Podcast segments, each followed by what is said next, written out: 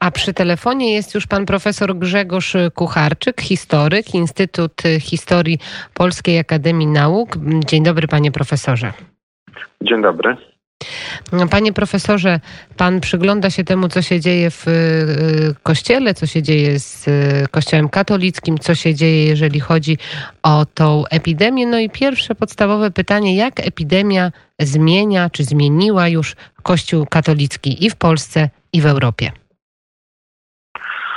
No cóż, można powiedzieć, że e, e, zmieniła przez obnażenie, to znaczy przez ujawnienie pewnych pewnych faktów, e, mówiąc krótko, bolączek, e, o których już wcześniej wiedzieliśmy, że trapią Kościół powszechny, ale w tych dramatycznych e, tygodniach czy miesiącach pandemii one jakoś wyszły bardzo wyraźne na światło dzienne. Czyli zostaliśmy skonfrontowani z rzeczywistością, tak jak w różnych innych aspektach naszego życia, ale w przypadku Kościoła chodzi przede wszystkim o to, jak naprawdę wygląda to w rzeczywistości pojęcie kościoła otwartego, o którym, o którym często słyszeliśmy. Że Kościół musi się otwierać na świat, musi być tym lazaretem, jak mówi papież Franciszek, który opatruje rany ludzi. Pasterze muszą być przesiąknięci zapachem swoich owieczek. No i przyszła konfrontacja w momencie e, pandemii i, no i wyszło, mówiąc tak kolokwialnie, tak sobie, ponieważ e, bo tak zastanawiałem się, co zapamiętamy z postawy Kościoła, przy czym tutaj słowo Kościół ja rozumiem e, przede wszystkim jako hierarchia duchowna. Co zapamiętamy z zachowania Kościoła w czasach pandemii? No to zapamiętamy gorliwość i stanowczość, ale raczej gorliwość w wypełnianiu różnych restrykcji sanitarnych nakładanych przez rządy i, i stanowczość w ich egzekwowaniu. Ja sam byłem świadkiem w jednym z kościołów tutaj w Poznaniu, że E, były takie, nazwijmy to, czujki stojące przy drzwiach kościoła i sprawdzające, czy czasem nie będzie nadliczbowych wiernych. Wtedy, kiedy jeszcze 50 mogło być, a już przy pięciu to już bardzo restrykcyjnie pilnowano. No więc y, y, to jest ta rzeczywistość, prawda? Konfrontacja między deklaracjami a czynami. I, i, no i tutaj można powiedzieć jest, jest bardzo daleko idąca taka dysproporcja, prawda, między tym, co słyszeliśmy, Także dusza o miłosierdziu, no, o właśnie jakim konieczności pochylenia się nad bliźnimi i bardzo słusznie, a, a tym, co, co, co było, było tak naprawdę. No, jeżeli zamyka się kościoły i nie dopuszcza się wiernych e, do, do uczestnictwa w mszach świętych, czyli tym, tym, co jest najważniejsze w kościele, no to mamy rzeczywiście tutaj poważny problem. Mówi Pan o poważnym problemie, ale to są decyzje konkretnych rządów, to są decyzje konkretnych polityków, no i to jest też zgodzenie się konkretnych hierarchów w Polsce, w Watykanie na te obostrzenia. Tak, no to jest oczywiście, tu nie mamy do czynienia z jakimś bezosobowym e, duchem dziejów, obiektywnymi prawami dziejowymi, tylko tu rzeczywiście są decyzje konkretnych ludzi. No, y, trzeba mm, też zdawać sobie sprawę, jak popatrzymy na, na, to, na, na ten y, krajobraz, można powiedzieć, polityczny kulturalny w Europie, zwłaszcza zachodniej obecnie, no to mamy taką sytuację, że właściwie rządzą e, ekipy, które, no, mówiąc delikatnie, są daleko od chrześcijaństwa.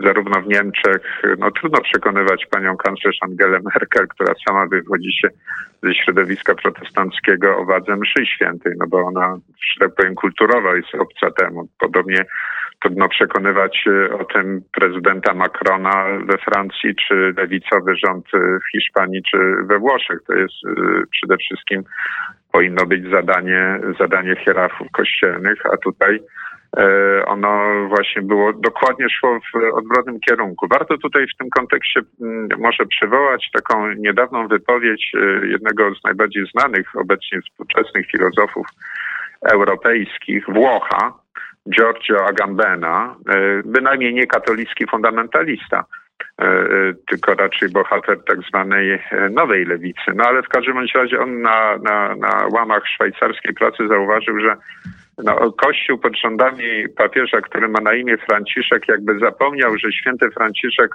obejmował z miłością trendowatych i, i, i tutaj no, można powiedzieć miał chyba jako bardziej jako Włoch niż jako filozof, taki dość, dość taki pełny goryczy katalog, no właśnie zarzutów wobec bierności kościoła tamtejszego, mówię o kościele włoskim, wobec, wobec tego dramatu, który się wtedy rozgrywał i ciągle się rozgrywa. No i to jest rzeczywiście, to jest rzeczywiście ten, e, to, ten najpoważniejszy problem, bo wygląda na to, jak, jak patrzymy globalnie, że Kościół jak gdyby znalazł się w sytuacji uczniów e, e, zamkniętych w obawie tutaj przed epidemią, zamkniętych w obawie w wieczerniku i takich, taki strwożony. Jakby nie było zesłania Ducha Świętego, jakby nie było tego wezwania nie lękajcie się, idźcie na cały świat. I to jest, to jest wydaje mi się też taka no, potężna nauka e, dla wiernych. I teraz jest oczywiście pytanie, jak zastanawiamy się, co będzie dalej, co z tej nauki, co z tej nauki wyniknie, prawda? No bo Proszę zwrócić uwagę, że tak jak po zmartwychwstaniu Chrystus odbudowywał wspólnotę swoich uczniów, przede wszystkim ucząc ich wyzbywania się strachu, prawda? Nie lękajcie się, pokój wam, to ja jestem.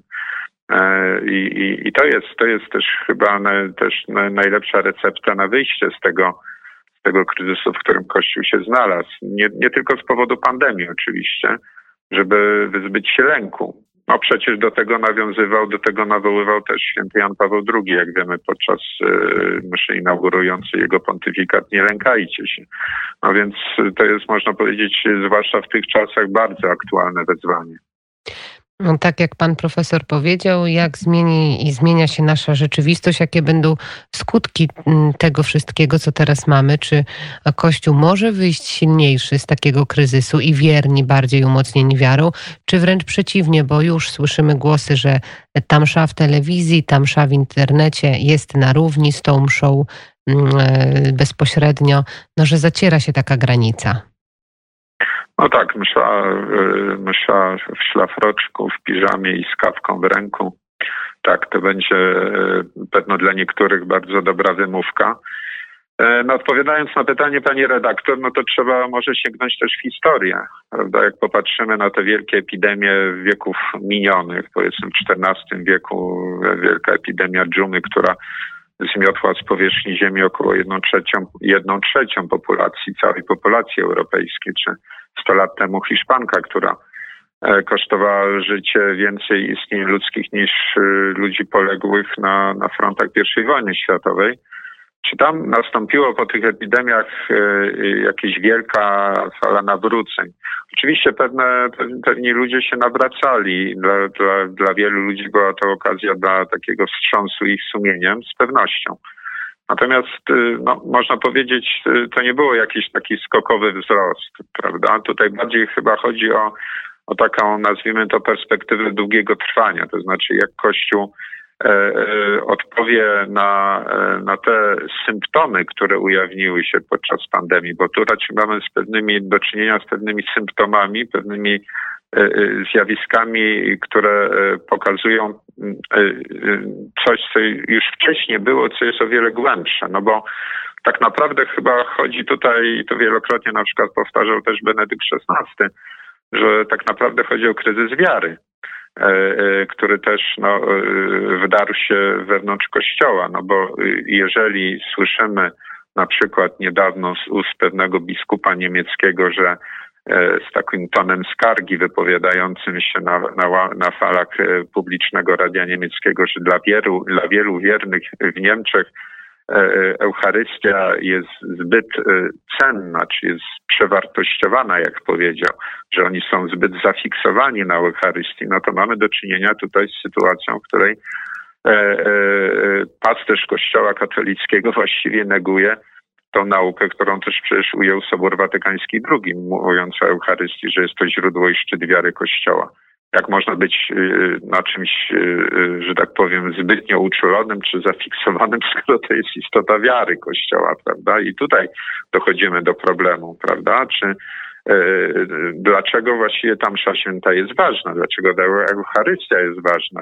Czy tu mamy do czynienia z pewnym dodatkiem do czegoś, czy z istotą rzeczy?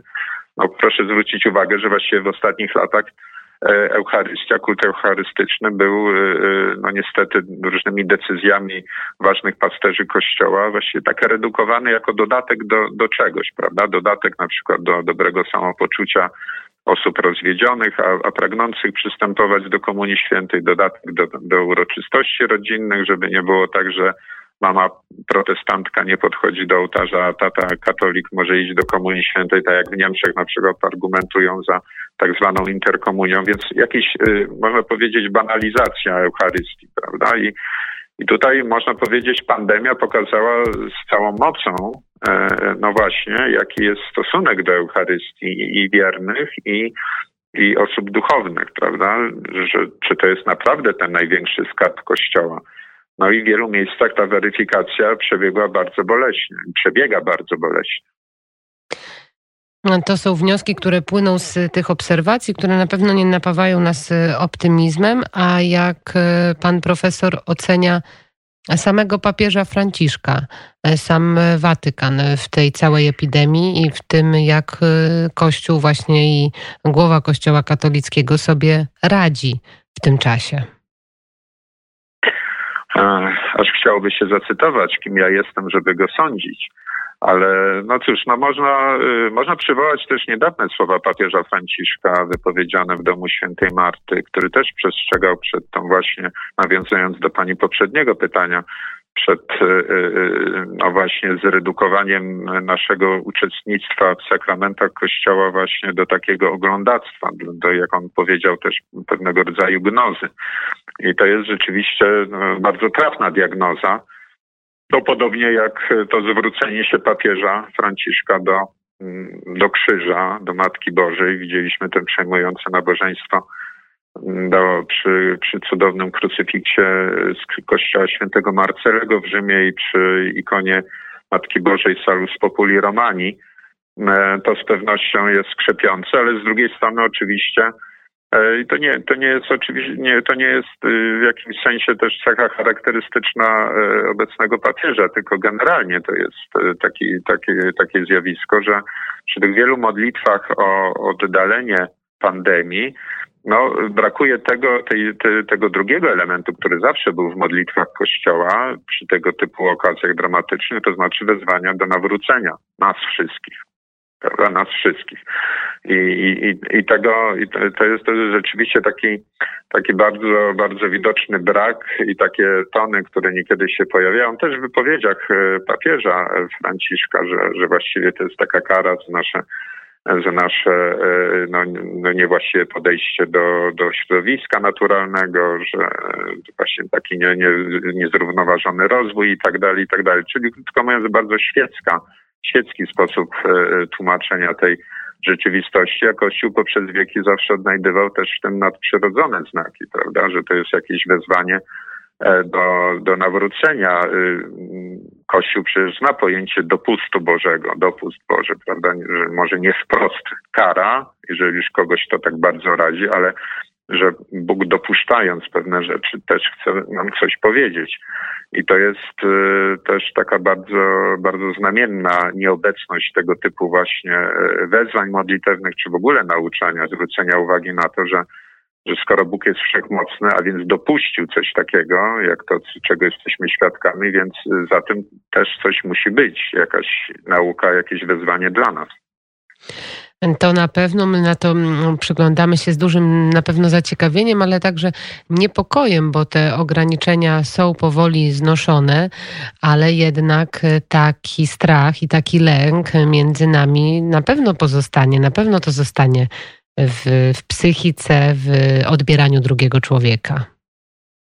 No, to jest, y, to jest strach, czyli kryzys, można powiedzieć, prawda? Bo bo to też się oczywiście przekłada na inne sfery naszego życia społecznego, gospodarczego, no bo co z tego, że rząd będzie znosił kolejne restrykcje, jak, e, jak ludzie i tak się będą bać na przykład korzystać z różnych usług i dóbr materialnych i, i tak dalej. Ten łańcuch producent-konsument się rozrywa w tym momencie, a tutaj jeszcze dochodzimy do tego najważniejszego, czyli sfery życia duchowego i, i, i istotnie tutaj y, wielka praca dla nas wszystkich, tych, którzy są w kościele, a oczywiście w kościele dla pasterzy przede wszystkim, to znaczy no, no przypomnienie tego, tych najważniejszych słów, które Chrystus wypowiadał po zmartwychwstaniu. Jesteśmy w okresie wielkanocnym, więc warto do tego wracać, że nie bójcie się, nie lękajcie się, ja jestem. Y, I tylko oczywiście, jeżeli było się wcześniej tak bardzo skrupulatnym w wykonywaniu różnych restrykcyjnych zarządzeń władzy świeckiej, nawet e, ponadwymiarowo można powiedzieć, to tym trudniej będzie, rzecz jasna, przekonywać wiernych, że, że chodźcie z powrotem do świątyń, korzystajcie z sakramentów, przypomnijcie sobie, że E, msza święta to nie jest oglądanie, tylko uczestnictwo we mszy świętej. E, I co jest w tej mszy świętej najważniejsze? I to jest oczywiście e, wielkie zadanie, nazwijmy to katechetyczne, no przede wszystkim dla nas wszystkich, wiernych świeckich, ale tak odnosząc, raczej patrząc na, na, na reakcję wielu duchownych właśnie w, czas, w czasie tego szczytu pandemii, to jest też takie zadanie katechetyczne dla samych, dla samych duchownych to my oczywiście w tym zadaniu będziemy pomagać i wspierać duchownych, bo na pewno duże wyzwanie przed nimi. Bardzo dziękuję za rozmowę. Profesor Grzegorz Kucharczyk, historyk, Instytut Historii Polskiej Akademii Nauk i autor najnowszej książki Chrystofobia 500 lat nienawiści do Jezusa i Kościoła. Bardzo dziękuję za rozmowę. Bardzo dziękuję.